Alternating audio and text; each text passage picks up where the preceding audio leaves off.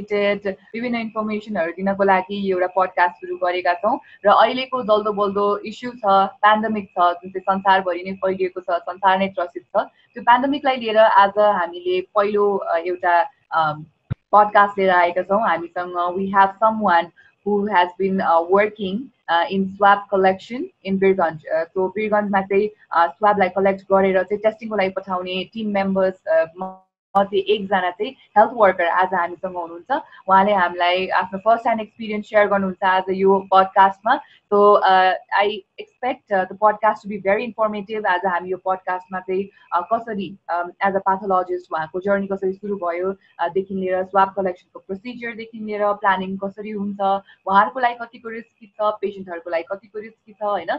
Team कसरी काम गर्छ र उहाँहरूले डिस्टेन्स कसरी मेन्टेन गराउनु भएको छ आफ्नो पर्सनल लाइफमा साथै पिपीदेखि लिएर हाम्रो सरकारको सपोर्टदेखि लिएर भ्याक्सिन र बिहेभियरल चेन्ज र मेन्टल हेल्थको बारेमा पनि कुरा इन्क्लुड गर्नेछौँ। so let's go ahead and talk to Miraji while the world is suffering from all this pandemic हाम्रो नेपालमा आज आज मात्रै आजको डेटमा फिफ्टी वान केसेस कन्फर्म भइसकेको छ दुईवटा केस वीरगन्जमा आएको छ र आज हामीसँग नारायणी हस्पिटल वीरगन्ज पर्साबाट चाहिँ कन्सल्टेन्ट प्याथोलोजिस्ट हुनुहुन्छ डक्टर निरा पाठक जो ओरिजिनली बुटोलबाट हुनुहुन्छ र अहिले चाहिँ उहाँले उहाँ काम गर्दै हुनुहुन्छ नारायणी हस्पिटल वीरगन्ज पर्सामा। एन्ड आज हामी उहाँसँग चाहिँ what is it like to work as a doctor what is it like to be in the team एउटा टिममा बसेर कोरोना सङ्क्रमित व्यक्तिहरूसँग काम को उपचार गर्दा र त्यो टिममा बसेर काम गर्दा चाहिँ कस्तो हुन्छ र कोरोना सम्बन्धी अझै धेरै जानकारीहरू लिनेछौँ। So let's welcome Niraji welcome to the show thank you so much नमस्ते सबैजनालाई. सो निराजी सबैभन्दा पहिला त हामीले यो एपिसोड सुरु गर्नुभन्दा अगाडि आई थिङ्क यहाँलाई साथै यहाँको टिमलाई चाहिँ एकदमै अप्रिसिएट गर्नुपर्छ जस्तो मलाई लाग्छ यहाँहरूले यस्तो समयमा यसरी काम गरिरहनु भएको छ रियल हिरोज जस्तो सो एकचोटि मेरो तर्फबाट चाहिँ राउन्ड अफ प्लस यहाँ यहाँलाई र यहाँको टिमलाई Thank you so much. We are so uh, thankful for everyone. Uh, this is pandemic. Actually, pandemic भन्ने बित्तिकै तपाईँहरूलाई लिटरली नै थाहा हुन्छ प्यान भनेको अल डेमोस भनेको population so as the disease is going pandemic so the role itself पनि pandemic नै जस्तो छ हामी सबको रोल चाहिँ यसमा एक्ज्याक्टली छ so we are all in this together हजुरहरूको तर्फबाट हजुरहरूले गरिराख्नु भएको छ हाम्रो तर्फबाट हामीले गरिरहेछौँ होइन सो यसमा चाहिँ we are all together so let's fight together we're definitely fighting together तर अब हामी त घरमा बसेर मात्रै काम गरिरहेको छौँ। यहाँहरू गइरहनु भएको छ हस्पिटलमै बसिरहनु भएको छ काम गरिरहनु भएको छ। सो त्यो बढी ठुलो कुरा हो जस्तो लाग्छ। मिराजीलाई मेरो पहिलो प्रश्न चाहिँ के छ भन्दा एउटा जिज्ञासा छ मेरो। वुहानमा जहिलेदेखि कोभिड नाइन्टिन भन्ने देखियो उहाँहरूले एउटा निकाल्नुभयो। यहाँ उहाँहरूले एउटा न्युज निकाल्नुभयो होइन। त्यहाँदेखि नै सायद यहाँहरूको प्लानिङ सुरु भयो होला। भयो भएन। त्यो सबै कुरामा चाहिँ म जान चाहन्छु। त्यसकारण सुरुदेखि मलाई अलिकति यहाँले बिल्डअप दिनुभयो भने चाहिँ हामी यो पडकास्टलाई चाहिँ अगाडि लान सक्छौँ। इनिसियली मैले आफ्नो एक्सपिरियन्स पर्सनल एक्सपिरियन्स सेयर गर्नु पर्दाखेरिमा चाहिँ it was one and half was back जब चाहिँ वुहानमा चाइनामा चाहिँ यो पेन्डेमिक चाहिँ त्यति बेला चाइनामा मात्र यसले चाहिँ इफेक्ट गरिरहेको थियो कोरोना कोभिड नाइन्टिन भनेर चाहिँ चाइनामा जब इफेक्ट गरिरहेको थियो त्यति बेला चाहिँ हामीसँग एउटा खालि डिस्कसन मात्रै हामी कहाँ थियो कि कतै यो हामी कहाँ पनि आउने त होइन यो कतै सार्स मर्स जस्तो पेन्डेमिक भएर आउने त होइन भनेर चाहिँ एउटा डर थियो। त्यति बेला विवेर जस्ट लाइक एउटा मनको डरमा मात्रै हामी चलिरहेको थियो मिन वाइल एनपिएचएल हाम्रो ल्याबोरेटरी टेकुले चाहिँ एउटा अभिमुखीकरण तालिम एक दिने अभिमुखीकरण तालिमको लागि कोही एकजना पार्टिसिपेन्टलाई यो हस्पिटलबाट पठाइदिनुहोस् भन्ने निवेदन आयो। र त्यति बेला म सम्झन चाहन्छु ल्याबोरेटरी स्टाफ्सहरूबाट चाहिँ एउटा एक्सपेक्टेसन के थियो भन्दाखेरि मेरो आफ्नो ल्याबोरेटरी स्टाफ्सहरू चाहिँ त्यसमा पार्टिसिपेट गर्नुभयो भने भोलि उहाँहरूले चाहिँ आएर हामीलाई यो काममा चाहिँ हेल्प गर्नुहुन्छ भन्ने आशाका साथ मैले उहाँहरूलाई एप्रोच गरेँ। बट अनफर्चुनेटली त्यति बेला चाहिँ एउटा फियर फ्याक्टर थियो कि के थियो उहाँहरूले चाहिँ त्यसमा पार्टिसिपेसनको लागि अलिकति डिसइन्ट्रेस्टेड हुनुभयो। So uh, it was me who had to take a step uh, ahead. So I took the participation म आफै नै काठमाडौँ टेकुमा गएँ त्यसको वान डे ट्रेनिङ थियो हामीलाई बेसिकली त्यो चाहिँ हाम्रो कोभिड नाइन्टिनको एउटा थ्योरिटिकल एक्सप्लेनेसन अनि PPE demonstration personal protective इक्विपमेन्ट्सको donning doffing hand hygiene hand washing र सेल्फ प्रिकसन मेजर्सहरूको चाहिँ त्यो थियो। सँगै चाहिँ त्यसको अर्को सेकेन्ड पार्ट भनेको चाहिँ हाम्रो स्याम्पल कलेक्सन कसरी गर्ने laboratory part laboratory processing sample collection transportation and स्टोरेजको पार्टको चाहिँ त्यो ट्रेनिङ थियो। ट्रेनिङ सकिसक्दासम्म पनि आई वाज नट लाइक हामी अब आफै नै डेफिनेटली यसमा म पर्सनल्ली चाहिँ यसरी इन्भल्भ हुन्छु भनेर चाहिँ त्यो दिनको चाहिँ म सोचेको थिइनँ त्यसपछि लगत्तै हामीसँग वान विक यो होलीको बिदा थियो म भ्याकेसनमा थिएँ आफ्टर म भ्याकेसनबाट आइसकेपछि देन हाम्रो एउटा हस्पिटलको मिटिङ भयो होल इन्टायर टिमको एउटा मिटिङ भयो एन्ड वी डिसाइडेड त्यो स्याम्पल कलेक्सनको लागि चाहिँ अब हामी रेडी हुनुपर्छ भन्ने भयो। त्यसपछि क्रमशः हामीले हाम्रो स्टाफहरूलाई ओरिएन्टेसन गर्दै गयौँ। फर्स्टमा ल्याबोरेटरी पर्सनल्सहरूलाई हामीले ओरिएन्टेसन गऱ्यौँ। त्यसपछि हामी त्यसको एक हप्ता विदिन एक हप्तामा चाहिँ हामीलाई एउटा ट्राभल हिस्ट्री इन्डियाबाट ट्राभल हिस्ट्री भएको एउटा यङ स्टुडेन्ट इन्जिनियरिङको स्टुडेन्ट हामी कहाँ आउनुभयो। फिजिसियनले हामीलाई रेकमेन्ड गर्नुभयो स्याम्पल कलेक्सनको लागि so that was the first case uh, I, I handled and I took the sample, we sent it, and then the journey began. Then since then till date हामी sample कलेक्सनमा actively participate गरिरहेको छौँ। त्यसपछि बिस्तारै बिस्तारै हाम्रो lab स्टाफ्सहरूले पनि मलाई राम्ररी नै सपोर्ट गर्नुभएको छ। हस्पिटल एडमिनिस्ट्रेसनले पनि त्यही अनुसारले सपोर्ट गर्नुभएको छ। So beginning from nowhere to everywhere भइरहेछ अहिले चाहिँ हाम्रो काम। हजुर। ओके सान्स रियली मैले चाहिँ एकदम इमेजिन गरिरहेको थिएँ। ओके डेढ महिना अगाडिदेखिको कुरा यहाँनिर कस्तो मजाले स्टोरीको रूपमा भनिदिनु भयो होइन? सो यहाँको टिमले बेसिकली यहाँले त अब स्वाप टेस्ट गर्नुहुन्छ if are not wrong actually हाम्रो हाम्रो टिमले चाहिँ we are not testing we are just collecting the samples we are collecting the samples sample भनेको चाहिँ कस्तो हुन्छ भन्दाखेरिमा यो भाइरस जब एफेक्टिभ भइरहेको छ शरीरमा त्यो चाहिँ हाम्रो रेस्पिरेटरी ट्र्याक्ट इन्फेक्सनमा सुरुमा चाहिँ त्यो रेस्पिरेटरी ट्र्याक्ट इन्फेक्सनमा पनि माथिल्लो तह र तल्लो तह भन्ने हुन्छ। माथिल्लो तहमा चाहिँ हाम्रो थ्रोटसम्मलाई चाहिँ हामीले दिने गर्छौँ र त्यही भएर चाहिँ हामीले यसको स्वाब कलेक्सन गर्दाखेरिमा पनि हामीले चाहिँ स्वाब स्टिकले या त हामीले नाकमा छिराएर त्यो स्वाभिस्टिकले त्यहाँबाट नाकबाट हामीले त्यसको स्याम्पल लिन्छौँ अथवा हामीले चाहिँ घाँटीबाट जुन हाम्रो नदी हुन्छ त्यसलाई हामीले ओरोफेरेन्जियल भन्छौँ। ओरोफेरेन्जियल स्वाब दुइटा स्वाब हामीले लिने गर्छौँ र त्यो स्वाबलाई चाहिँ एउटा भाइरल ट्रान्सपोर्ट मिडियम भन्ने हुन्छ। त्यसमा चाहिँ हामीले त्यो स्वाबलाई राखेर एउटा कोल्ड चेन मेन्टेन गरेर स्ट्यान्डर्ड वेमा ट्रिपल कन्टेनरमा राखेर चाहिँ त्यसलाई एउटा पठाउने त्यसको रुल्स छ। त्यो चाहिँ एनपिएचएल ल्याबोरेटरीले नै हामीलाई रिकमेन्ड गरेको छ। त्यही अनुसारले नै हामीले फलो गरेर पठाइरहेको छौँ। र यो किन गरिरहेको छौँ भन्दाखेरिमा चाहिँ इनिसियल सेभेन डेजमा जब भाइरस कोभिड भाइरस चाहिँ जब एक्टिभ छ त्यति बेला चाहिँ यसले अप्पर रेस्पिरेटरी ट्र्याक्ट इन्फेक्सनमा नै यो एक्टिभली प्रलिपरेट गरिरहेको हुन्छ भाइरस त्यही भएर त्यहाँबाट लिँदाखेरि यो इफेक्टिभ हुन्छ भन्ने चाहिँ यसको थ्योरी हो लजिक त्यही हो। र लेट स्टेजमा गएर चाहिँ यो भाइरस चाहिँ it can go down into the lower respiratory tract infection र लेट स्टेजमा जब पेसेन्ट हामीले देखिरहेको छौँ नेपालमा त अहिलेसम्म असिम्टोमेटिक सिम्टोमेटिक केसेसहरू नै बढी छ तर बाहिर विश्वमा जताततै हामीले हेरिरहेको छौँ त्यहाँ हेर्दाखेरि एकदमै धेरै रेस्पिरेटरी डिस्ट्रेस भएर पेसेन्टहरू एकदमै डेस्नेक भएर पेसेन्टहरूको चाहिँ मृत्यु पनि भइरहेको छ।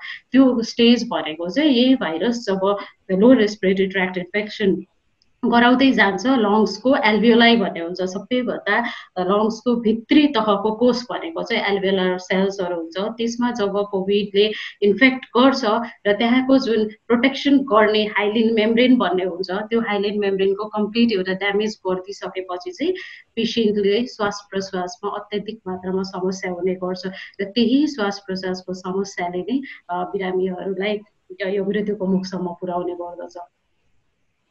ओके एकदमै डिटेल्ड मजाले आन्सर दिनुभयो यहाँले माई नेक्स्ट मेरो जिज्ञासा चाहिँ के भन्दा यहाँले हामी स्वाप कलेक्ट गर्छौँ होइन अनि गराइ पठाउँछौँ भन्नुभयो यो स्वाप कलेक्सनको प्रोसिजर चाहिँ के छ स्वाप कलेक्सनको लागि चाहिँ बेसिकली हामीले फर्स्ट अफ अल चाहिँ स्वाप कलेक्सनको लागि हामीलाई त्यसको चाहिँ मेटेरियल्स हाम्रा रिक्विजिसन्सहरू भनेको चाहिँ हामीलाई रिक्विजिसन फर्म चाहिन्छ। त्यो फर्म पनि हाम्रो डकुमेन्टेड एनपिएचआई ल्याबोरेटरीले एउटा कोभिड फर्म बनाएको छ त्यसको फर्मेट छ हामीसँग। त्यही फर्म हामीसँग हुन्छ। त्यो सँगसँगै हामीले इन्फ्लुएन्जा लाइक इलनेसको फर्म र सिभियर एक्युट रेस्पिरेटरी इलनेसको फर्म पहिला हामीलाई रेकर्डिङ पार्टको लागि हामी तयार हुन्छौँ। त्यसपछि सेकेन्ड पार्ट भनेको हाम्रो टिममा हामीले आफ्नो प्रिकसन्सको लागि चाहिँ पर्सनल प्रोटेक्टिभ इक्विपमेन्ट्सको व्यवस्था गर्छौँ।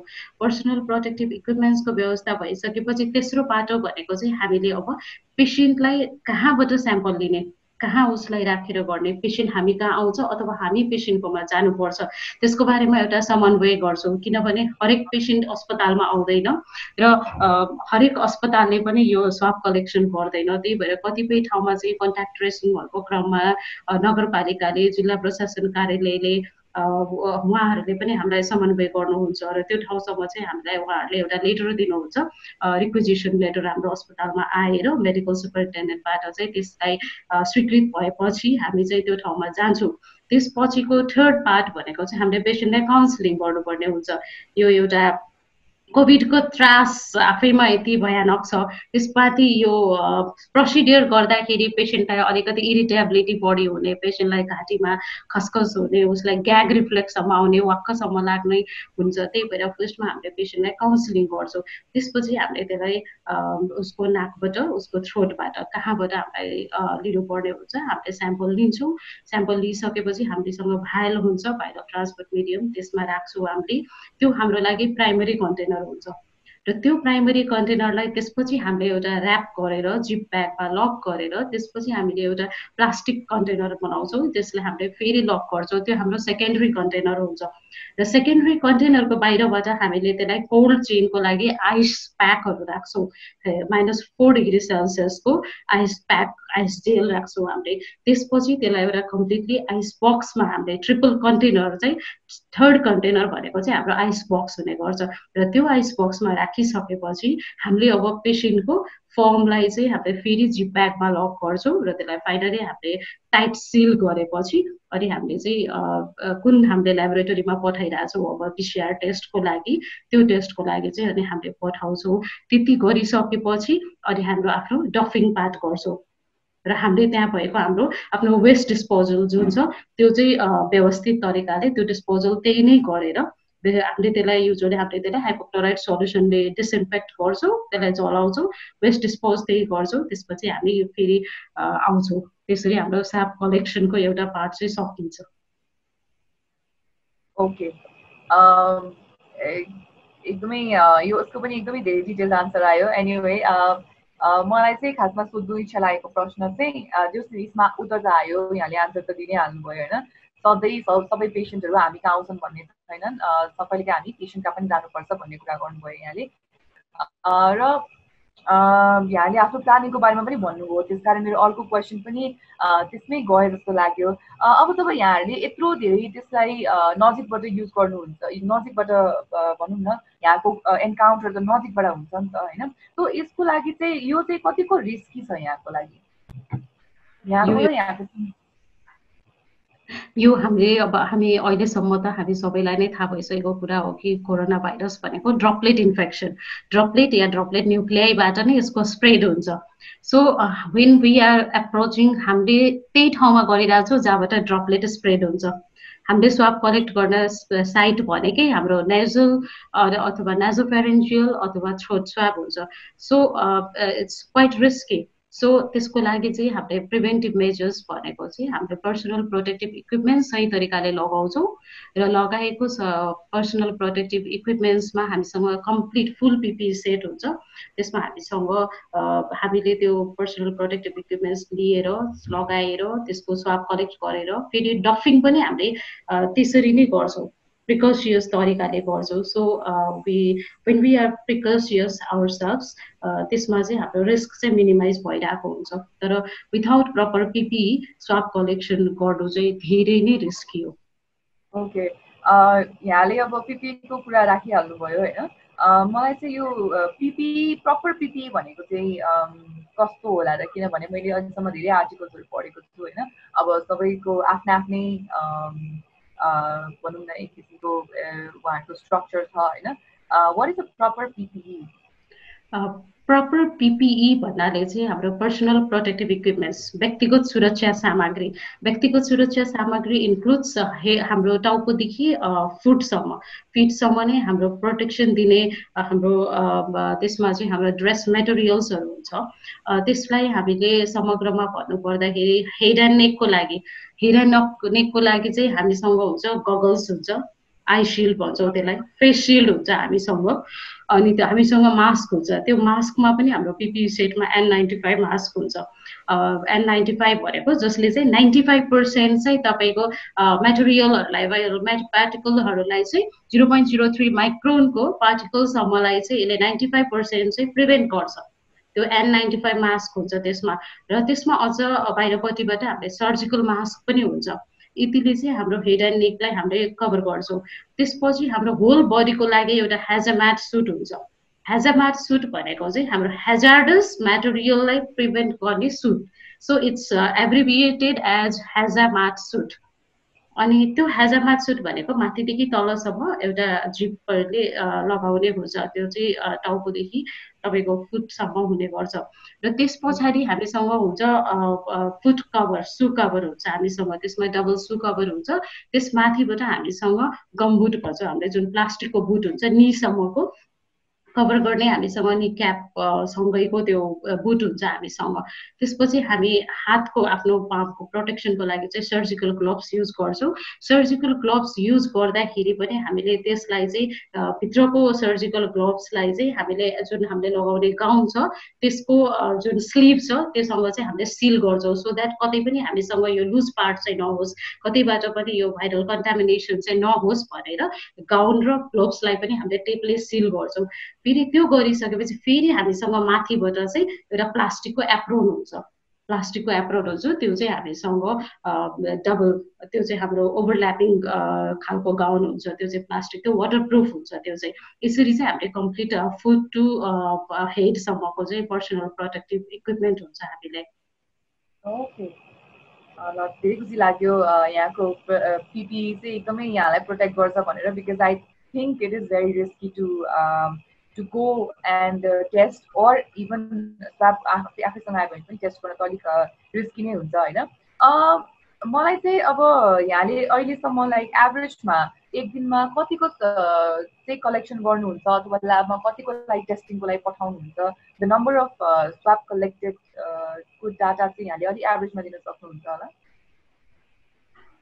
स्वाब पर डेको भन्न खोज्नु per day एभरेजमा it depends upon the requisition हामीलाई अब एडमिनिस्ट्रेसनबाट अथवा हस्पिटलबाट धेरै ठाउँहरूबाट हामीलाई चाहिँ आउने गर्छ। अहिलेसम्म चाहिँ हामीले दिनको दुई तिनवटा जस्तोदेखि लिएर म्याक्सिमम् भनेको हन्ड्रेड एटी फाइभ गराएको थियो हामीले अस्ति थर्सडे भनेको म्याक्सिमम् भनेको हन्ड्रेड एटी फाइभ थियो स्याम्पल कलेक्सन एभरेज भन्नुपर्दा ट्वेन्टी टु थर्टी एभरेज भन्नुपर्दा ट्वेन्टी टु थर्टी भन्नु रिस्क कतिको छ भन्ने कुरा त यहाँले आफूले भनिहाल्नुभयो but you know as a human यहाँलाई आफूलाई चाहिँ कतिको डर लाग्छ यो काम गर्दाखेरि? मैले आफ्नो पर्सनल्ली भन्नुपर्दाखेरिमा चाहिँ मैले फर्स्ट सप कलेक्सन गरेको डेमा पनि मलाई भित्रबाट डर चाहिँ लागेको थिएन but I was so excited because it was the first time मैले पिपी लगाएको थिएँ it was the first time मैले एन नाइन्टी फाइभ लगाएको थिएँ and it was the first time कि मैले कुनै यस्तो पेन्डेमिकमा चाहिँ पार्टिसिपेट गरिरहेको छु। त्यो दिनदेखि नै आई वाज एक्टिभली पार्टिसिपेटिङ डर भन्दा पनि एक्साइटमेन्ट र नयाँ कुराहरू सिक्ने एउटा त्यो रहरले चाहिँ मलाई अगाडि बढाउँदै लैराखेको छ। डर भन्ने चाहिँ मलाई लागेको छैन। ओके। यहाँलाई त्यसको डर भन्दा पनि यहाँले सर्भ गर्न पाइरहनु भएको छ काम गर्न पाइरहनु भएको छ र सिक्न पाइरहनु भएको छ भनेमा चाहिँ बढी फोकस्ड हुनुहुन्छ मोटिभेटेड हजुर हजुर हजुर। अमेजिङ अमेजिङ सो अहिले निराजी यहाँ हस्पिटलमै बस्नुहुन्छ कि यहाँ घर पनि पर्खिनुहुन्छ? कसरी यहाँको बसाइको छ एक्चुली अहिले मेरो आफ्नो पर्सनली भन्नु पर्दाखेरि चाहिँ मेरो आफ्नो residential quarter within hospital premises नै छ। र म एक्लै नै बसिराखेको हुँदाखेरिमा चाहिँ आई मेन्टेन सेल्फ क्वारेन्टाइन मेरो लागि चाहिँ। अनि हामी चाहिँ कस्तो गरिरहेछौँ भन्दाखेरि टिम बनाइरहेको छौँ। एउटा टिमले चाहिँ एक हप्ता काम गर्छ। र त्यो टिमले एक हप्तासम्म त्यो गरिसकेपछि उहाँहरू चाहिँ विदिन त्यो एक हप्ता पनि र उहाँहरू हस्पिटलले एउटा होटललाई गरेको छ व्यवस्था गरेको छ। त्यो होटलमा बस्नुहुन्छ स्टाफहरू चाहिँ। अनि आर क्वारेन्टाइन त्यही नै होटलमा। र एक हप्ता सकिसकेपछि अर्को टु विक्सको लागि चाहिँ उहाँहरू ड्युटीबाट चाहिँ अफ पाउनुहुन्छ र उहाँहरू आफ्नै सेल्फ क्वारेन्टाइन घरमा बस्नुहुन्छ त्यस पछाडि चाहिँ। आफ्नो फ्यामिलीहरूबाट टाढा रहेर जहाँ बस्नुहुन्छ सेल्फ क्वारेन्टाइन स्ट्रिक्टली मेन्टेन गर्नुहुन्छ स्टाफहरूले चाहिँ मेरो आफ्नो पर्सनल चाहिँ म आफै जुन टाइममा म गएको छु स्वाप कलेक्सन गरेको छु त्यसपछि आइसकेपछि त्यसको पिसिआर रिपोर्ट अवेटेड हुँदासम्म चाहिँ म फेरि अर्को स्वाप कलेक्सनमा अर्को टिमलाई पठाउने गर्छु। ए ओके भनेपछि यहाँले एकदमै केयरफुली त्यो कुरालाई म्यानेज गर्नु भएको छ। भनेपछि अरू हेल्थ प्रोफेसनल्सहरू जस्तै डक्टर नर्स उहाँहरूको पनि एउटा टिम सेट गरिएको छ र उहाँहरू त्यही अनुसार जानुहुन्छ अनि त्यही अनुसार चाहिँ त्यही रुटिन एउटा छ भनौँ न। उहाँहरूको सेफ्टीको लागि उहाँहरूको फ्यामिलीको सेफ्टीको लागि पनि त्यो म्यानेज गरिएको छ। बट उहाँ एक हप्ता यहाँ बसेर अनि फेरि घर गएर दुई हप्ता आफ्नै घरमा गएर बस्दाखेरि त्यो फ्यामिली मेम्बर्सलाई रिस्की भएन त? यस्तो गर्नु भएको छ। अब त्यसमा पनि यो जो इट डिपेन्ड्स अपन इन्डिभिजुअल अब कस कसको फ्यामिलीमा कस्तो खालको मेम्बर्सहरू हुनुहुन्छ। अब कसैको फ्यामिलीमा हुनुहुन्छ उहाँहरू कोमर्बिड पेरेन्ट्सहरू हुनुहुन्छ। कसैको फ्यामिलीमा एकदमै टर्लर्सहरू बच्चाहरू होला सानो बच्चाहरू छ। उहाँहरूले चाहिँ त्यस्तो बेलामा चाहिँ आफ्नो फ्यामिलीसँग नबसेर एउटा कुनै व्यवस्था गर्नुभएको छ। अथवा कतै बाहिर बस्नु भएको छ अब हस्पिटलको स्टाफहरूको आफ्नो एउटा क्वार्टर हुन्छ कतिपय स्टाफहरू यहीँको लोकल पर्सनहरू हुनुहुन्छ उहाँहरूको आफ्नो घर पनि छ धेरै जसो हाम्रो यहाँको स्टाफहरूले चाहिँ आफ्नो परिवारलाई चाहिँ आफ्नो घर गाउँ कतै पठाएर आफूहरू मात्र यो रेसिडेन्सियल क्वार्टरमा बस्ने व्यवस्था गर्नु भएको छ ठिकै छ। यो हिसाबले उहाँहरू अलिक सेफै हुनुहुन्छ जस्तो लाग्छ। अब यहाँहरूले आफ्नो तर्फबाट त धेरै नै प्रोटेक्सन लिनु नै भएको छ होइन? जति सक्दो धेरै प्रोटेक्ट आफूलाई प्रोटेक्ट गर्न खोज्नु भएको छ आफ्नो फ्यामिलीलाई प्रोटेक्ट गर्न खोज्नु भएको छ सबैलाई बचाउनै खोज्नु भएको छ।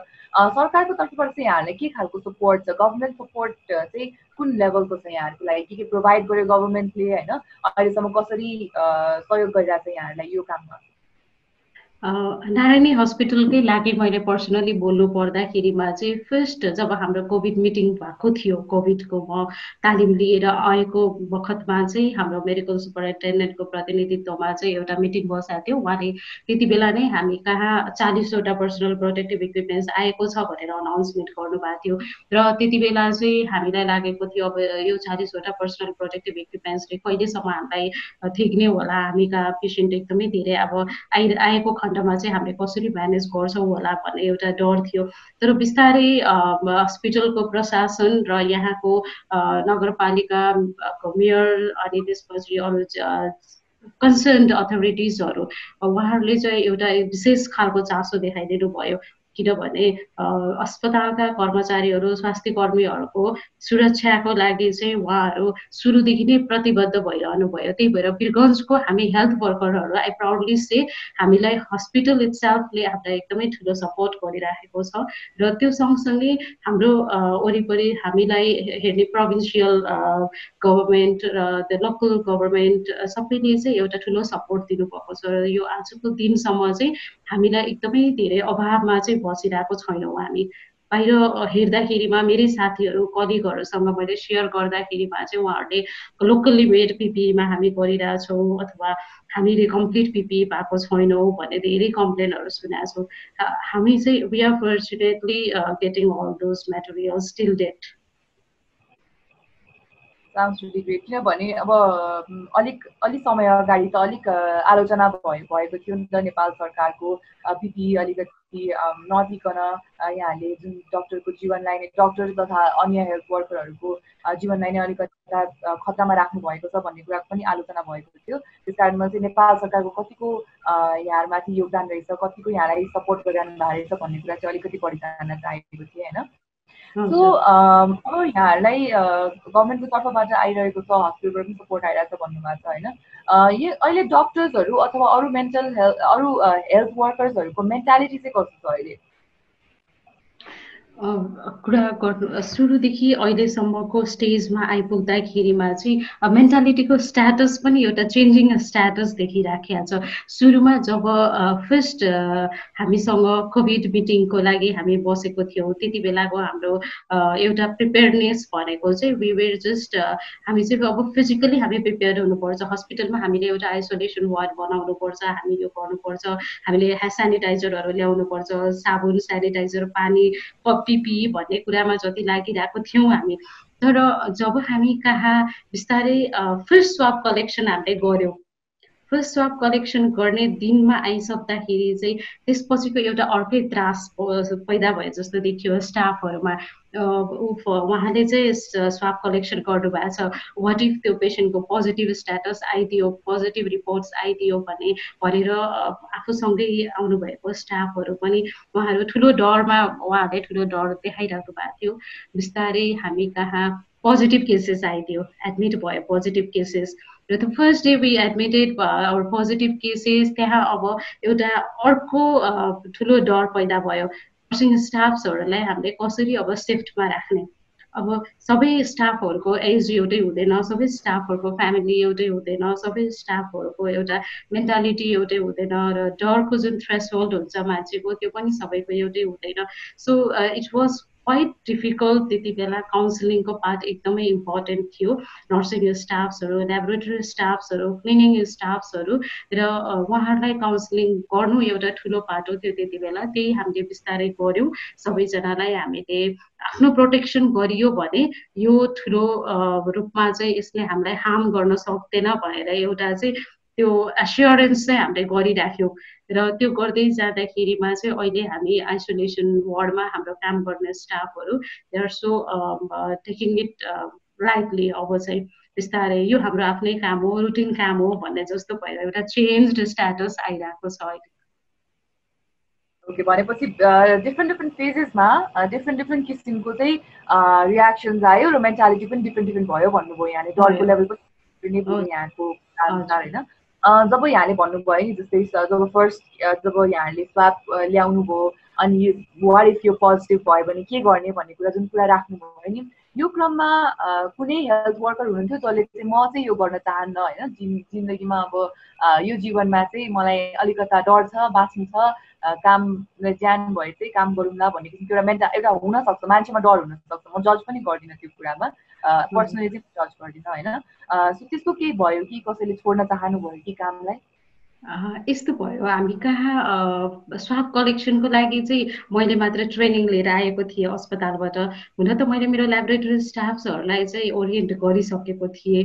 But things will not that serious कसैलाई पनि हामी कहाँ हामीले लिनै पर्ने हुँदैछ भोलिको दिनमा भन्ने चाहिँ लागेको थिएन। तर केस आयो मेडिकल सुपरिन्टेन्डेन्टले मलाई कल गर्नुभयो। आज एउटा स्याम्पल कलेक्सन गर्नुपर्ने हुन्छ है। हामी रेडी छौँ भनेर सोध्नुभयो। सो मलाई सेकेन्ड थट नै आएन। आई वाज प्रिपेयर हुन्छ हामी हामी गर्छौँ भनियो। अनि मैले चाहिँ हाम्रो ल्याब इन्चार्जलाई चाहिँ मैले सपोर्टिभ रूपमा चाहिँ मैले उहाँलाई रिक्वेस्ट गरेँ। अनि त्यस पछाडि उहाँ पनि मलाई सपोर्ट गरेर हामीले त्यो सब कलेक्सन गऱ्यो त्यति बेला हामीसँग मेडिकल सुपरिन्टेन्डेन्ट पनि सँगै हुनुहुन्थ्यो नर्सिङ मेट्रोन पनि सँगै हुनुहुन्थ्यो नर्सिङ स्टाफ पनि सँगै हुनुहुन्थ्यो। र उहाँहरू सबैजना भइसकेपछि हामी चाहिँ सब कलेक्सनमा गयौँ फर्स्ट फर्स्ट सब कलेक्सनको एक्सपिरियन्स बिसाइड्स द्याट अरू बाँकी सबैजनामा चाहिँ हामीले मुखले बोलेर त बसेको एक्सप्रेसन हामीलाई थाहा भएन तर मान्छेको आफ्नो एउटा एक्सप्रेसन उहाँहरूको एटिट्युड चाहिँ त्यति बेला अलिकति चेन्ज एटिट्युड थियो बिचरा। एउटा त्रासले एउटा डरले चाहिँ उहाँहरूले देखिरहेको थियो सबैको फेसमा चाहिँ। There was a question mark सबैजनामा what if the case comes out to be positive? What if Narayani hospital will be bringing a positive COVID tomorrow भन्ने चाहिँ एउटा डर थियो। फर्स्टमा चाहिँ। सो त्यो डर लाग्ने क्रममा कसैले जब छोड्ने अथवा प्याक आउट गर्ने चाहिँ गर्नु भएन। त्यस्तो चाहिँ गर्नु भएन। Okay that's really brave of them हजुर। म कहिले के सोच्छु अब डक्टर भने नि मान्छे नै हो होइन नर्सेस भने पनि मान्छे नै हो अथवा वरिपरि बस्ने हरेक मेडिकल हेल्थ वर्कर भनेको त मान्छे नै हो एक किसिमले विदेशमा लाखौँ मान्छे मरिरहे मरिरहेको छ भनेर थाहा पाइसकेपछि होइन अलिकति डर लागेर म काम गर्दिनँ भन्ने सोच्नुहुन्छ कि भन्ने चाहिँ मलाई लागिरहेको थियो। त्यसमाथि झन् अब सरकारको तर्फबाट त्यो समयमा सायदै केही साथ थियो। होइन? त्यति पनि खासै थियो जस्तो मलाई लाग्दैन यहाँलाई सपोर्ट आएको थियो जस्तो लाग्दैन। त्यस त्यस कारण त्यो समयमा चाहिँ मेरो विचारमा चाहिँ म डक्टर भएको भए अथवा म नर्स भएको भए म अरू कुनै हेल्थ वर्कर भएको भए चाहिँ म के गर्थेँ होला त? म बस्थेँ कि म म लड्छु? सबैको लागि म लड्छु भन्ने सोच्थेँ कि म आफ्नो ज्यानको बारेमा सोच्थेँ भन्ने कुरा एकचोटि चाहिँ मेरो मनमा पनि आएको थियो। तर यहाँहरू म त्यो कसैले पनि त्यो ब्याकआउट गर्नु भएन। त्यो चाहिँ एकदमै हुन्छ नि एकदमै अप्रिसिएबल कुरा हो जस्तो मलाई लाग्छ। सो अब लेट्स अलिकता चाहिँ अब हाम्रो पेसेन्टहरूको तर्फ लाग्छौँ है डक्टरहरूबाट। यहाँले हेरे अनुसार चाहिँ पेसेन्टहरूको बिहेभियर यो हुन्छ नि यो कोरोना को कोरोनाले गर्दाखेरि भनौँ न कतिको उहाँहरूको बिहेभियरलाई चाहिँ कसरी एनालाइज गर्नुहुन्छ? उहाँहरूमा कुन किसिमको उहाँहरूको मेन्टालिटी चाहिँ कस्तो हुन्छ? कोरोनाको आफैमा एउटा सन्तास चारैतिर छ। जानेर नजानेर चाहेर नचाहेर त्यसको सन्तासमा सबैजना डुबिसकेकै छ। स्वाब कलेक्सन गर्ने बेलाको पेसेन्ट पेसेन्ट नभनौँ स्वाब कलेक्सन गर्ने बेलामा जब हुनुहुन्छ उहाँहरू त्यति बेला पनि एउटा डर उहाँहरूमा हुन्छ। म यो टेस्ट गरिराखेको छु। एभ्री वान थिङ्स टिम कतै मेरो यो पोजिटिभ त आउँदैन भन्ने डर चाहिँ सबैले त्यो एक्सप्रेस गर्नुहुन्छ।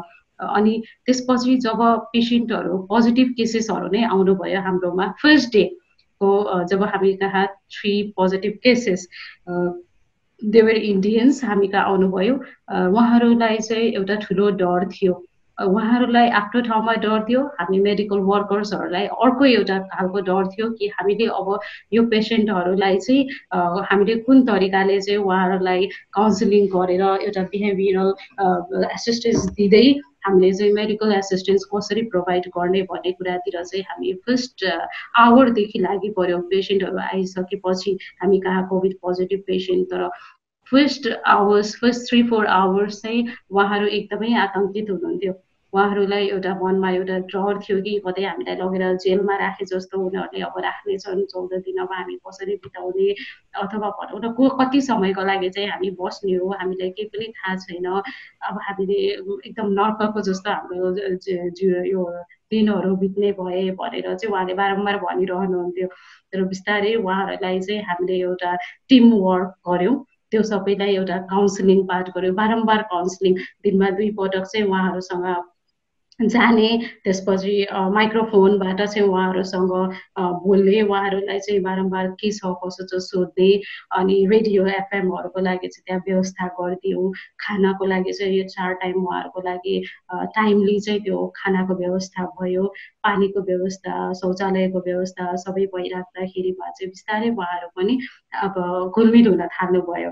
एन्ड आज म प्राउडली भन्न सक्छु कि आज हामीले चारजना पेसेन्टहरूलाई आज अघि भर्खर मात्र हामी डिस्चार्ज गरेका छौँ र देवर सो ग्रेटफुल। उहाँहरूले चाहिँ हामी हाम्रो चौध दिनको बसाइ एकदमै राम्रो भयो। हामी अब तपाईँहरूको सुस्वास्थ्यको लागि हामी कामना गर्छौँ। हामी गएर पनि हामी आफ्नो क्वारेन्टाइन हामीले मेन्टेन गर्छौँ। फ्यामिली पब्लिकमा पनि हामीले चाहिँ हामीले सिकेको कुराहरू बताउँछौँ भनेर भन्नुभयो। सो हामी एकदमै सधन्यवाद उहाँहरूलाई आज बिदा पनि गऱ्यौँ that's a very wonderful news किनकि यहाँले सुन्दाखेरि म आफू इमोसनल भयो क्या बिकज एकदम उहाँहरू आतङ्कित हुनुहुन्थ्यो भन्नुभयो। अनि त्यहाँबाट आउँदा आउँदै गइसकेपछि चारजना पेसेन्टलाई आज हामीले के भन्छ गुड बाई भनिदिउँ भनेर भन्नुभयो। अनि सच कस्तो इमोसनल फिल भयो मलाई। यहाँहरूलाई पनि एकदमै प्राउड पनि फिल हुन्छ होला। अलिक इमोसनल पनि फिल हुन्छ होला।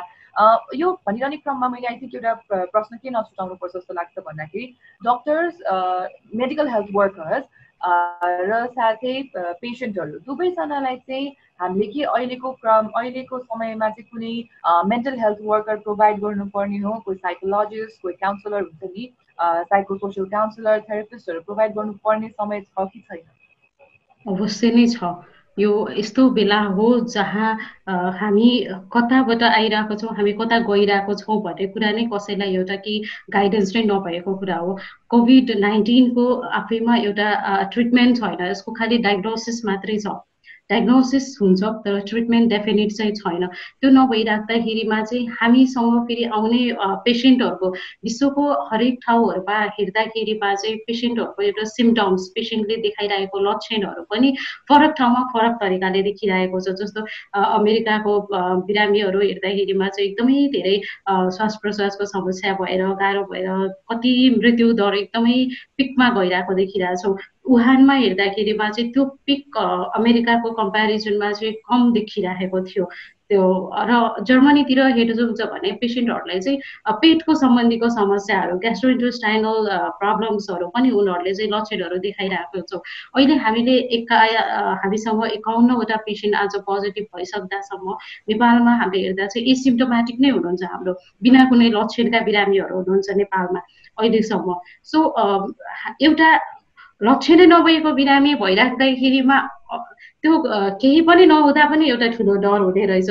र सबै कुरा लक्षण भइराख्दाखेरि पनि त्यो पनि अर्को ठुलो डर हुने रहेछ। र लक्षण नभएको बिरामीसँग चाहिँ अब के गर्ने त? उनीहरूलाई कतिसम्म हामीले सहयोग गर्ने कतिसम्म सहायता गर्ने उनीहरूलाई कतिसम्म काउन्सिलिङ गर्ने भन्ने नै मेन हेल्थ वर्करहरूमा चाहिँ त्यो कन्फ्युजन जस्तो हुन्छ। त्यही कन्फ्युजन कन्फ्युजनले गर्दाखेरिमा चाहिँ हामी एउटा सिक्दै जाने क्रममा चाहिँ कतै मैले केही भिराएको त छैन। कतै मेरो सानो त्रुटिले मैले ठुलो एउटा समस्या त निम्ताउँदै छैन। जहिले पनि त्यही डर हुँदो रहेछ। अथवा मलाई यो डिजिज आउँछ भन्दा पनि प्रिकसन प्रिकसन पर्सनल प्रोटेक्सनको यति धेरै इस्युहरू भइसक्यो कि एभ्री वान इज त्यो सबैजना चाहिँ त्यसैमा केन्द्रित छौँ हामी। म कतै मैले प्रिकसन त लिएको छैन मैले नलिएको प्रिकसनले मेरो परिवारलाई मेरो समाजलाई मेरो देशमा सबैजनालाई मैले कतै यो फैलाउन त मैले गरिराखेको छैन भन्ने त्रास नै अहिलेको मेन त्रास हो। र अर्को कुरा भनेको हेल्थ वर्करहरू चाहिँ काम गरिराख्नु भएको छ एउटा प्रिकसन लिइरहनु भएको छ एउटा गाइडलाइन फलो गरिरहनु भएको छ। तर परिवारको मान्छेहरूले चाहिँ त्यो कुरालाई त्यसरी बुझिदिनु भ सक्नु भएको छैन। चाहेर नचाहेर पनि उहाँहरूले त्यसलाई त्यसरी लिन नसक्दाखेरि घरमा फर्केर जाँदाखेरि एउटा परिवारको मान्छेहरूको डर त्रास उहाँहरूको चिन्ताले गर्दाखेरि पनि हेल्थ वर्करहरूलाई अर्को समस्या मानसिक रूपमा चाहिँ पैदा गरिरहेको छ। घरबाट टाढा भएर बस्दाखेरि त्यही भएर यो समयमा एउटा psychological counselling mental health assurance चाहिँ एकदमै ठुलो महत्त्वपूर्ण आवश्यकता हो भन्छु म चाहिँ। मलाई पनि यहाँको कुराहरू सुन्दा त्यस्तै नै लागेर पनि मैले यो प्रश्न राखेकी थिएँ होइन? सो यहाँले अलिअलि पेसेन्टहरू राख्ने कुरा गर्नुभयो। अब स्वाब कलेक्सन गरिसकेपछि टेस्ट गरिसकेपछि नेगेटिभ आयो भने त that's a very nice news तर पोजिटिभ आयो भने त यहाँहरूले त पेसेन्टहरूलाई राख्नुहुन्छ होला हस्पिटलमा होइन? कसरी कुन किसिमको माहौल छ अब यहाँले कस्तो किसिमको साथ दिनुहुन्छ साइकोलोजिकल्ली र कुन हिसाबले ट्रिटमेन्ट गर्नुहुन्छ भन्ने कुरा यहाँले अघि नै राखिसक्नुभयो होइन। अघिल्लो प्रश्नमा नै राखिसक्नुभयो। त्यसकारण त्यसलाई त्यतातिर जानुभन्दा पनि यहाँहरूको कसरी राख्नु भएको छ? रुम कस्तो छ? होइन?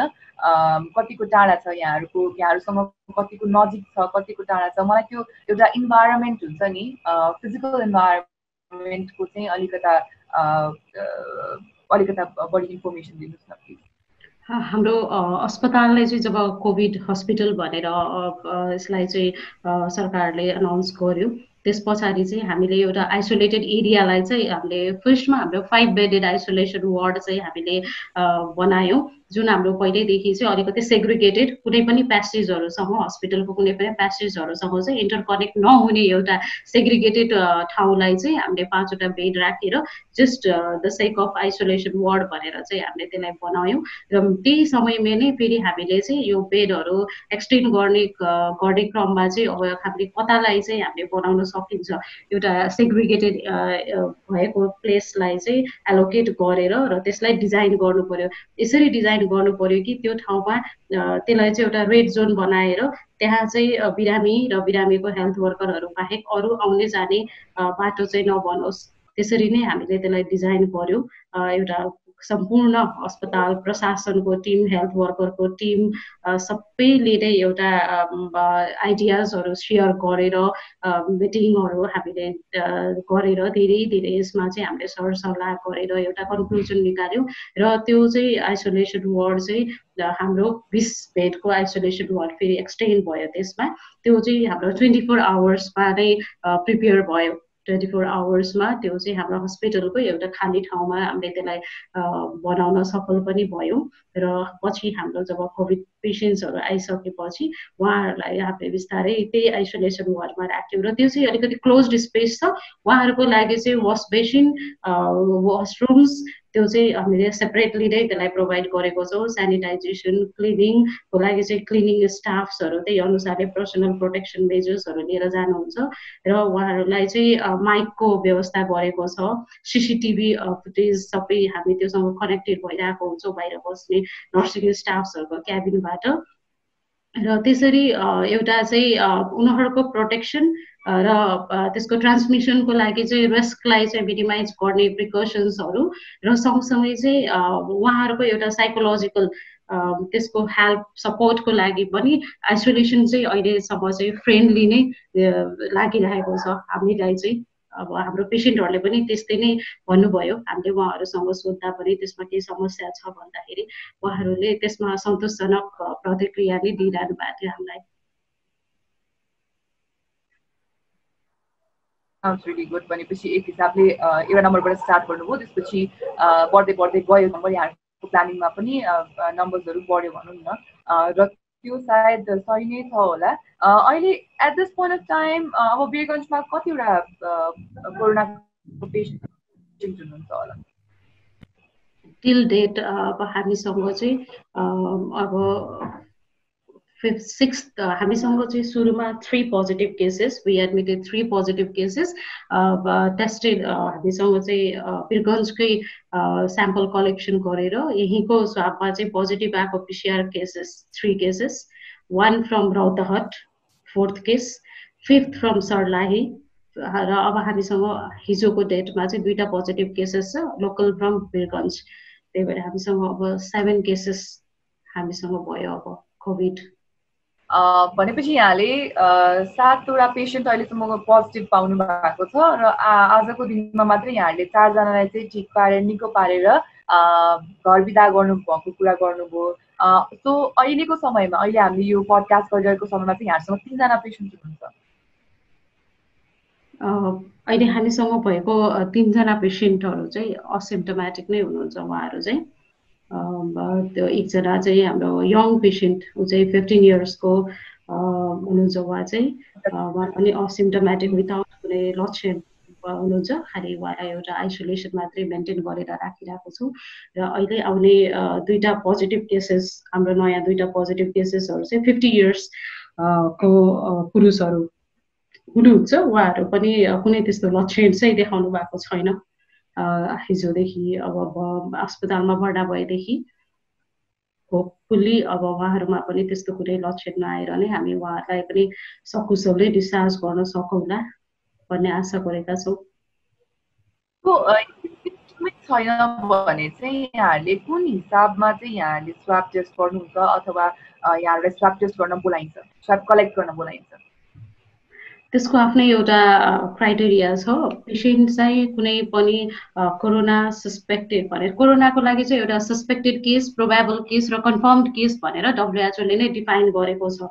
र कुनै पनि suspected case acute respiratory illness भएको पेसेन्ट होस् उसको कुनै ट्राभल हिस्ट्री होस् गएको चौध दिनमा चाहिँ ऊ कुनै विदेशबाट आएको अथवा कुनै कोरोना सङ्क्रमित व्यक्तिहरूसँग चाहिँ कन्ट्याक्टमा भएको। जुनसुकै व्यक्तिलाई पनि हामीले चाहिँ यो टेस्टको लागि चाहिँ रिकमेन्डेसन गर्ने गाइडलाइन छ र त्यही गाइडलाइन नै फलो गरेर हामीलाई क्लिनिसियनहरूले पनि रिक्वेजिसन पठाउनुहुन्छ र त्यही अनुसारले हामी स्याम्पल कलेक्ट गर्छौँ। र कतिपय ठाउँमा क्वारेन्टाइनहरूमा राखिएका भनेपछि यहाँहरूले आजको दिनमा चारजना पेसेन्टलाई डिस्चार्ज गरेर पठाउँदा यहाँहरूसँग अहिले तिनजना अहिले पेसेन्टहरू हुनुहुन्छ। यहाँले उहाँहरूमा सिम्टम छैन भनेर भन्नुभयो। त्यो सिम्टम नहुने क्रममा चाहिँ उहाँहरूलाई कुन बेसिसमा उहाँहरूको स्वाब कलेक्ट गरिन्छ कुन बेसिसमा उहाँहरूको स्वाबलाई टेस्ट गर्न ल्याइन्छ? यो चाहिँ कसरी गर्नुहुन्छ यहाँले? सिम्टमै छैन भने how do you take this राम्रो क्वेसन गर्नुभयो। सुरुमा चाहिँ हामीले इनिसियली पेसेन्टको हिस्ट्रीको बेसिसमा पेसेन्टको ट्राभल हिस्ट्री पेसेन्ट विदेशबाट आएको भर्खर मात्र होइन? पेसेन्ट विदेशबाट आएको र विदेश भन्नाले हामीले हाम्रो धेरै जसो बिरामीहरू यहाँ चाहिँ इन्डियाबाट नै आइराख्नु भएको हुन्छ। र इन्डियामा पनि धेरै जसो चाहिँ हाम्रो यो मुस्लिम समुदायमा अहिले उहाँहरूको यो जमातीको लागि चाहिँ ठाउँ ठाउँमा फेला हुने र ठुलो ठुलो जमातमा चाहिँ उहाँहरूले आफ्नो यो रिलिजियस कार्यक्रमहरू गरिराख्नु भएको र यो चाहिँ एकदम ड्रपलेटबाट स्प्रेड हुने एयर सलबाट स्प्रेड हुने भएको भएर चाहिँ त्यसरी कन्ट्याक्टमा बसेको जो कोही हुनुहुन्छ त्यो सबैलाई चाहिँ हामीले स्वाब कलेक्ट गऱ्यौँ ऱ्यान्डमली र त्यसबाट चाहिँ पोजिटिभ आएको केसलाई चाहिँ अब कोभिड कन्फर्मड केसेस भनेर आइसोलेसनमा राख्यो। त्यो ट्रान्समिसनलाई कम गर्नको लागि। बेसिकल्ली भनेको पेसेन्टलाई सिम्टम होस् नहोस् तर पेसेन्टलाई आइसोलेट गरिसकेपछि रिस्क अफ ट्रान्समिसन चाहिँ अटोमेटिकल्ली हामीले उतापट्टि समाजमा चाहिँ घटाउँछौँ भन्ने हिसाबले चाहिँ हामीले राख्यौँ। अब राखिसकेपछि हामीले चाहिँ each forty eight to seventy two आवर्समा फेरि हामीले स्वाप कलेक्ट गर्छौँ। हरेक अडचालिस घन्टापछि हामीले स्वाप पठाउने गर्छौँ। र तिनवटा त्यसपछि रेस्पेक्टिभ त्यसमा चाहिँ तिनवटा नेगेटिभ आइसकेपछि अनि बल्ल पेसेन्ट चाहिँ डिस्चार्ज हुनुहुन्छ ओके भनेपछि यहाँले ऱ्यान्डमली स्वाप कलेक्ट गर्दाखेरि स्वापको टेस्टिङ गर्दाखेरि आउनु भएको पेसेन्ट पढ्नुभयो। यो बाँकी तिनजना चाहिँ जुन यहाँले अघि भन्नुभयो दुईजना पचास वर्षको फिफ्टी फिफ्टी प्लसको हुनुहुन्छ। पन्ध्र वर्षको टिनेजर हुनुहुन्छ। उहाँहरूको चाहिँ ऱ्यान्डमली कलेक्ट विदाउट सिम्टम्स हजुर हजुर विदाउट सिम्टम्स भनेपछि अब वीरगन्जमै हामीसँग आज डिस्चार्ज नगर्नु भएको भए जम्मा जम्मी सातवटा केस हुने भन्ने कुरा छ भन्ने कुरा हुन्थ्यो नि त। अब डिस्चार्ज त यहाँले बेलुकातिर गर्नुभयो।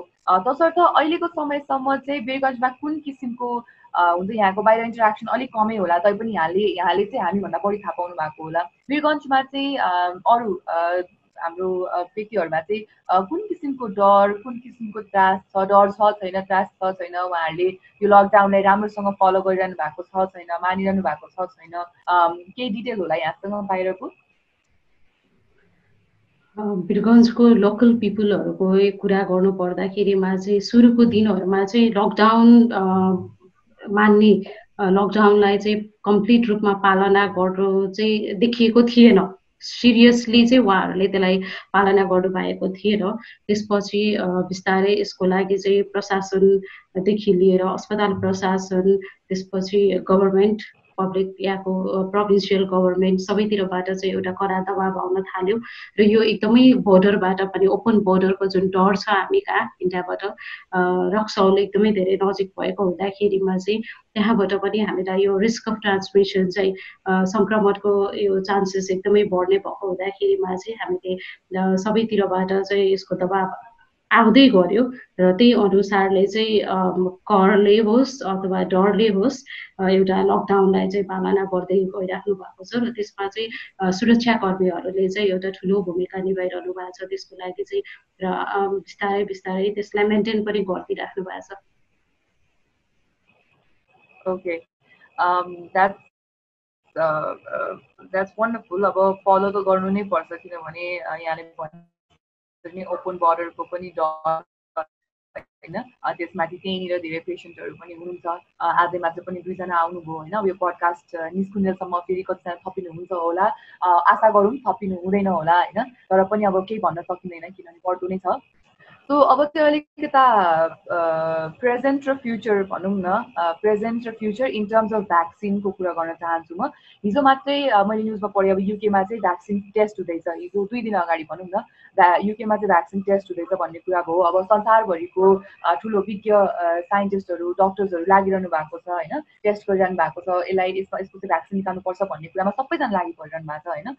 यो कुरामा तर म अब होपफुल हुने कि नहुने यसमा कुन किसिमको आफ्नो ओपिनियन राख्ने भन्ने कुरामै म अलिकता कन्फ्युज छु। यहाँको चाहिँ के छ विचार? अब भ्याक्स भ्याक्सिन कुन किसिमले के हाम्रो जुन विज्ञहरू हुनुहुन्छ न्युरोलोजिस्टहरू हुनुहुन्छ उहाँहरूले के राम्रोसँग राम्रोसँग भनेर एउटा ऱ्यापिड टेस्ट नै भइरहेको छ कि अहिले पनि कन्फ्युजन छ उहाँहरूमा? के के भइरहेको छ जस्तो लाग्छ? कोभिड नाइन्टिनको अहिलेको परिपाटीमा हेर्दाखेरि वर्तमान अवस्थामा हेर्दाखेरिमा चाहिँ टेस्टिङ स्क्रिनिङ ट्रेसिङको पार्ट चाहिँ स्ट्रङली नै भइरहेछ। त्यो चाहे नेपालमा होस् अथवा नेपाल बाहिर होस् सरकारले आफ्नो तवरबाट गर्न सक्ने गरेकै छ। र त्यसमा चाहिँ स्क्रिनिङको लागि चाहिँ ऱ्यापिड टेस्ट किटहरूबाट धेरै नै स्क्रिनिङहरू गरिराखेको छ र कन्फर्मेटरी टेस्टहरूको रूपमा चाहिँ पिसिआर टेस्टहरूले गरि नै रहेको छ। यसरी हेर्दाखेरि हामीले पपुलेसन हाम्रो वरिपरिको हामीले जुन आफूले कभर गर्नुपर्ने एरिया छ सबैतिरबाट त्यसरी हामीले कभर गर्दै गयो स्क्रिनिङ गर्दै गयो टेस्टिङ टेस्टिङ एन्ड टेस्टिङ भनेर जुन इम्फेसाइज गरिरहेको छ चारैतिरबाट त्यही कुरालाई नै हामीले मनन गरेर अझै यसलाई टेस्टिङको दायराहरूलाई बढाउँदै गयो। ल्याबोरेटरीहरूलाई चाहिँ अझै हामीले बढाउँदै गयो। मोबाइल कम्युनिकेसन गर्दै गयो। त्यो भयो भने चाहिँ आई थिङ्क यसले चाहिँ हामीलाई छिटोभन्दा छिटो चाहिँ यो केसेसहरू चाहिँ हामीलाई डायग्नोज हुनलाई चाहिँ यसले एकदमै ठुलो महत्त्व पूर्ण तरिकाले हेल्प गर्छ।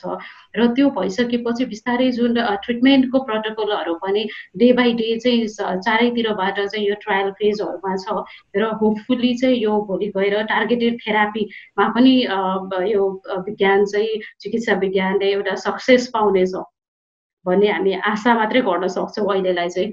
भोलिको कुरा नसोचेर वर्तमानमा हामी हेर्नु पर्दाखेरिमा चाहिँ एउटा यसको टार्गेटेड थेरापी पनि भोलि कोभिड नाइन्टिनको लागि हुनेछ कुनै भ्याक्सिनहरू हुनेछ यसलाई प्रिभेन्टेबल मेजर्सहरू हुनेछ भन्ने चाहिँ हाम्रो एउटा फ्युचरको लागि एउटा आशा मात्रै हो।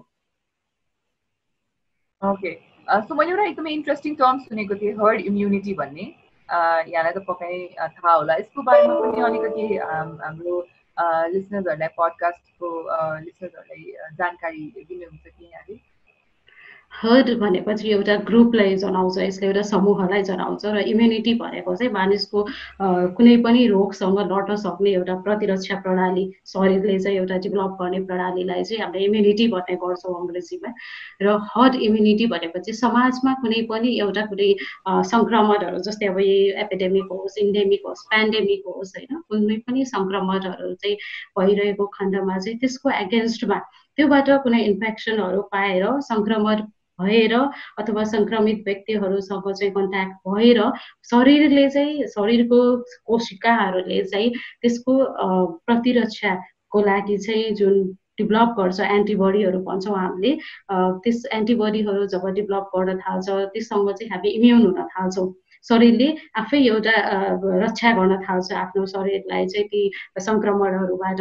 त्यो जब समाजका हरेक समुदायका मानिसहरूले चाहिँ त्यो गेन गर्न थाल्छन् र त्यसबाट चाहिँ अब त्यो सङ्क्रमणको चाहिँ एउटा जुन सङ्क्रमणले गर्दाखेरि मानिसहरूमा देखिने लक्षणहरू त्यसपछि आफै मिनिमाइज हुँदै जाने त्यसको साइन्स एन्ड सिम्टम्सहरू अब मिनिमाइज हुन जाने जब हुन्छ त्यसलाई चाहिँ हामी हर्ड इम्युनिटी गेन गरेको भन्छौँ। भेरी वेल सो अब खासमा चाहिँ अब आजको पडकास्ट गर्नुको मुख्य उद्देश्य भनेको चाहिँ जति सक्दो हाम्रो नेपाली लिसनर्सहरूलाई कोरोनाको बारेमा र अहिले डक्टर्सहरू कसरी काम गरिरहनु भएको छ त्यसको बारेमा जानकारी दिनु हो होइन? हुन त संसारैभरिको कुरा निकाल्न सकिन्छ कोरोनाको कुरा सायदै सकिएला है?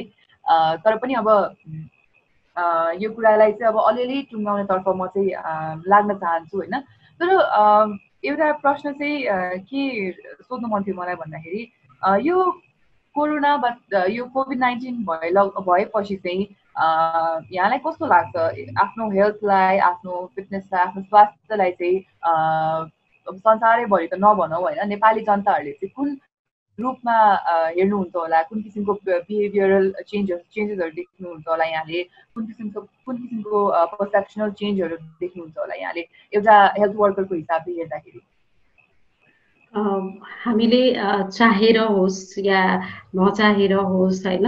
अब एउटा प्रिकसियस मेजर्सहरूको बारेमा चाहिँ हामीले धेरै नै धेरै नै ट्रेनिङहरू भनौँ न पाइरहेको छौँ अहिले चाहिँ। हुन त हामी हेल्थ वर्कर्सहरूको लागि चाहिँ ह्यान्ड हाइजिन ह्यान्ड वाइसिङ भनेको चाहिँ कुनै पनि नौलो कुरा होइन। हरेक स्वास्थ्य कर्मीले यो कुराहरू सिकेकै हुन्छ। र स्वास्थ्य कर्मीहरूले हरेक आफ्नो आफ्नो परिवारबाट त आउनु भएकै हुन्छ। एउटा समाजबाटै आउनु भएको हो स्वास्थ्य कर्मीहरू। उहाँहरूले कुनै न कुनै तरिकाले परिवारमा त्यो शिक्षा त दिनु नै भएको हुने थियो।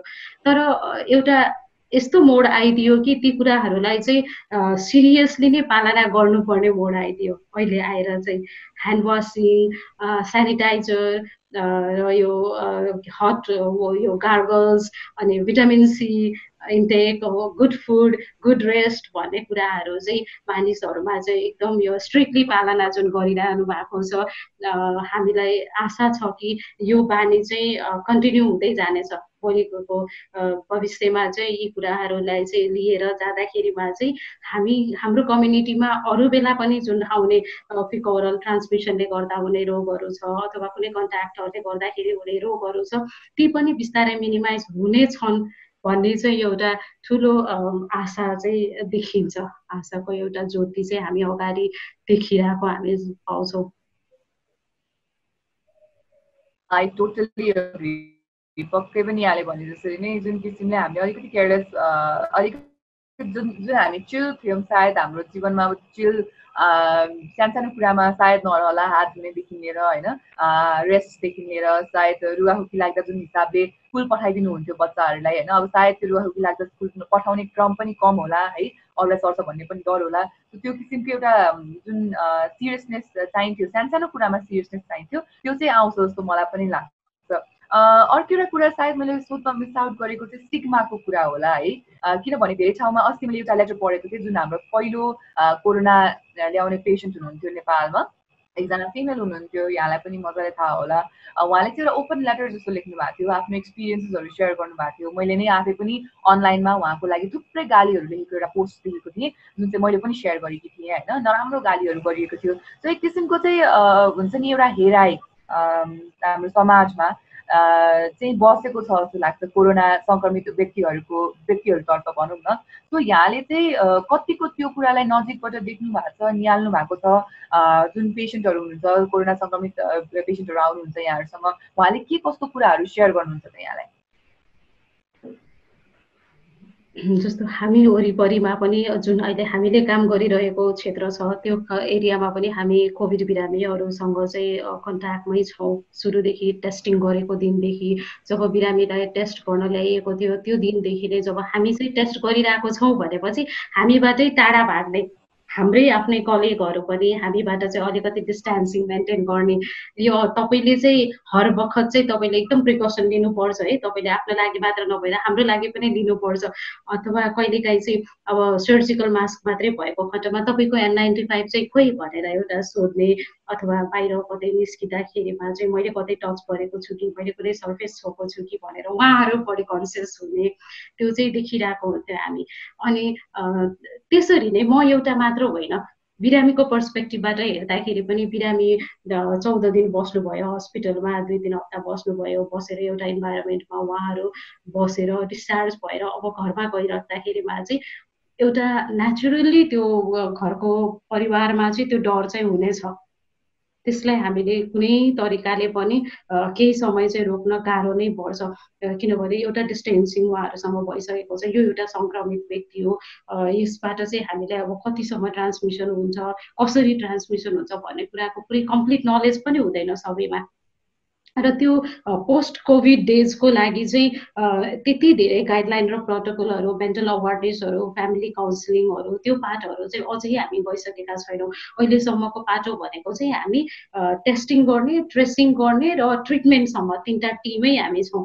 अब पोस्ट ट्रिटमेन्टको जुन सिनारियो छ पोस्ट ट्रिटमेन्टको सिनारियोको लागि चाहिँ अब हामी जागेर नै सबैजना लाग्नुपर्ने अवस्था चाहिँ देखिन्छ नभए चाहिँ यसको चाहिँ लङ टर्ममा गएर चाहिँ एउटा नराम्रो इम्प्याक्ट चाहिँ पर्न पनि सक्छ। एउटा बिहेभियरल तरिकाले एउटा सोसल इम्प्याक्ट र सोसल पेसेन्टहरूको लागि हुनसक्छ त्यो चाहिँ त्यसले एउटा नराम्रो असर पनि पार्न सक्छ भन्ने कुरा।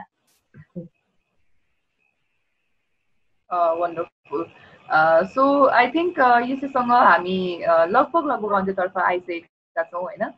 निराजी केही भन्न चाहनुहुन्छ हाम्रो लिसनर्सहरूलाई फर्स्ट अफ अल म हजुरहरूलाई धेरै धेरै धन्यवाद दिन चाहन्छु।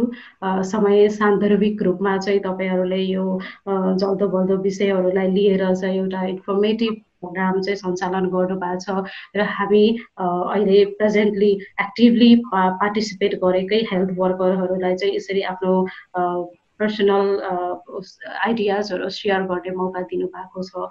र मलाई लाग्छ मैले जुन कुराहरू सेयर गरेँ मैले जे कुराहरू भोगेँ त्यो कुराहरू कतिपय हेल्थ वर्करहरूसँग पनि मिल्दो होला। अनि उहाँहरूलाई पनि त्यो कुराबाट चाहिँ केही इन्फर्मेसनहरू चाहिँ पुग्यो होला भन्ने आशा गर्दछु। र भोलिका आउँदा दिनहरूमा पनि त्यही अनुसारले हाम्रो एउटा कम्युनिकेसन इन्फर्मेसन पनि यसरी नै बढ्दै जाओस् भनेर एउटा शुभकामना पनि दिन चाहन्छु। र अन्तमा सम्पूर्ण कोभिड सङ्क्रमित बिरामीहरू जसले अहिले उपचार पाइरहनु भएको छ उहाँहरूलाई पनि एउटा के पर्सनल मेसेज दिन चाहन्छु भने यो एउटा सामान्य इन्फेक्सन मात्रै हो तपाईँहरूलाई कोभिड पोजिटिभ हुँदैमा तपाईँहरू त्यसरी समाजबाटै बहिष्कृत हुनुपर्ने कुनै पनि त्यस्तो हुँदैन उहाँहरूको परिवारले यो कुरालाई राम्रोसँग बुझ्नुपर्छ। नर्मल्ली जसरी अरू बिमारी हामीले बिरामी भएको आफ्नो परिवारलाई अपहेलना गर्नु त सक्दैनौँ नि त। हिजो पनि सक्दैनौँ आज पनि सक्दैनौँ र भोलि पनि सक्नु हुँदैन। र हाम्रो आफ्नो परिवारलाई आफ्नो साथी साथीलाई त्यही अनुसारले हामीले ट्रिट गर्नुपर्छ। हेल्थको हिसाबले हामी कन्सियस हुने हो। तर बिहेभियरको रूपमा चाहिँ हामी आत्मीयता चाहिँ हामीमा हुनुपर्छ। सोसियल डिस्टेन्सिङ आफ्नो ठाउँमा छ तर मेन्टल्ली चाहिँ हामीहरू चाहिँ एकजुट हुनुपर्छ। एकअर्काको लागि हामी सहयोगी हात भएर लाग्नुपर्छ। कोही सङ्क्रमित छ कसैको परिवारमा कोही सङ्क्रमित भएर उहाँहरू चाहिँ त्रसित हुनुहुन्छ भने हामी उहाँसँग बसेर उहाँहरूसँग अँगालो मारेर रुन त सक्दैनौँ तर उहाँहरूलाई एउटा काउन्सिलिङ दिन सक्छौँ। उहाँहरूलाई एउटा समाजबाट बाहेक चाहिँ हामी बनाउनु हुँदैन। भनेर चाहिँ एउटा यो मेसेज चाहिँ म पर्सनली दिन चाहन्छु। एकदमै राम्रो मेसेज दिनुभयो यहाँले है। निराजीले भने जसरी नै जसरी हाम्रो परिवारको व्यक्ति हामी हुँदाखेरि हामीले कहिले पनि छोड्दैन थियौँ होइन। हिजो पनि छोड्दैन थियौँ र आज पनि छोड्नु हुँदैन। रोग चाहे जेसुकै होस् साथ हामीले दिनुपर्छ र आजको दिनमा यदि यहाँको वरिपरि कोही छिमेकी हुनुहुन्छ यहाँकै नेपाली दाजुभाइ दिदीबहिनी हुनुहुन्छ उहाँ हरू पनि होइन। त्यसरी नै उहाँलाई पनि अहिले उहाँलाई धन लागिसकेपछि झन् धेरै डर हुने हुन्छ होइन। त्यस कारण यहाँको साथ चाहिँ सबैभन्दा बढी आवश्यक छ। सो निराजी यहाँ र यहाँको टिमलाई फेरि एकपटक धन्यवाद भन्न चाहन्छु। निकै नै राम्रो काम गरिरहनु भएको छ र आगामी दिनमा चाहिँ कोरोना सङ्क्रमित पेसेन्टहरू अलिक कम हुनुहुन्छ भन्नेमा आशा गर्छु। हुँदै हुनुहुन्न भन्ने आशा अलिक बढी छ। तर भइहाल्नु भइहाल्यो भने पनि यहाँ र यहाँको टिम चाहिँ सेफ हुनुहुन्छ। सबैभन्दा पहिला सुरु है। र त्यसपछि चाहिँ यहाँले अरूलाई पनि सहयोग गर्नुहुन्छ भन्ने चाहिँ हाम्रो एउटा प्रेयर्स पनि छ हाम्रो आशा पनि छ। र थ्याङ्क यू सो मच आज हामीसँग यो पडकास्टमा बोलिदिनु भयो। आइएम स्योर हाम्रो लिसनर्सहरूलाई एकदमै धेरै इन्फर्मेसन पाउनुहुन्छ उहाँहरूले। सायद भविष्यमा अझै केही प्रश्नहरू रह्यो भने निराजीलाई पक्कै पनि हामी सम्पर्क राख्नेछौँ। थ्याङ्क यू सो मच निराजी धन्यवाद सबैजनालाई। Take care. Thank Stay you. safe. Bye bye. Stay safe.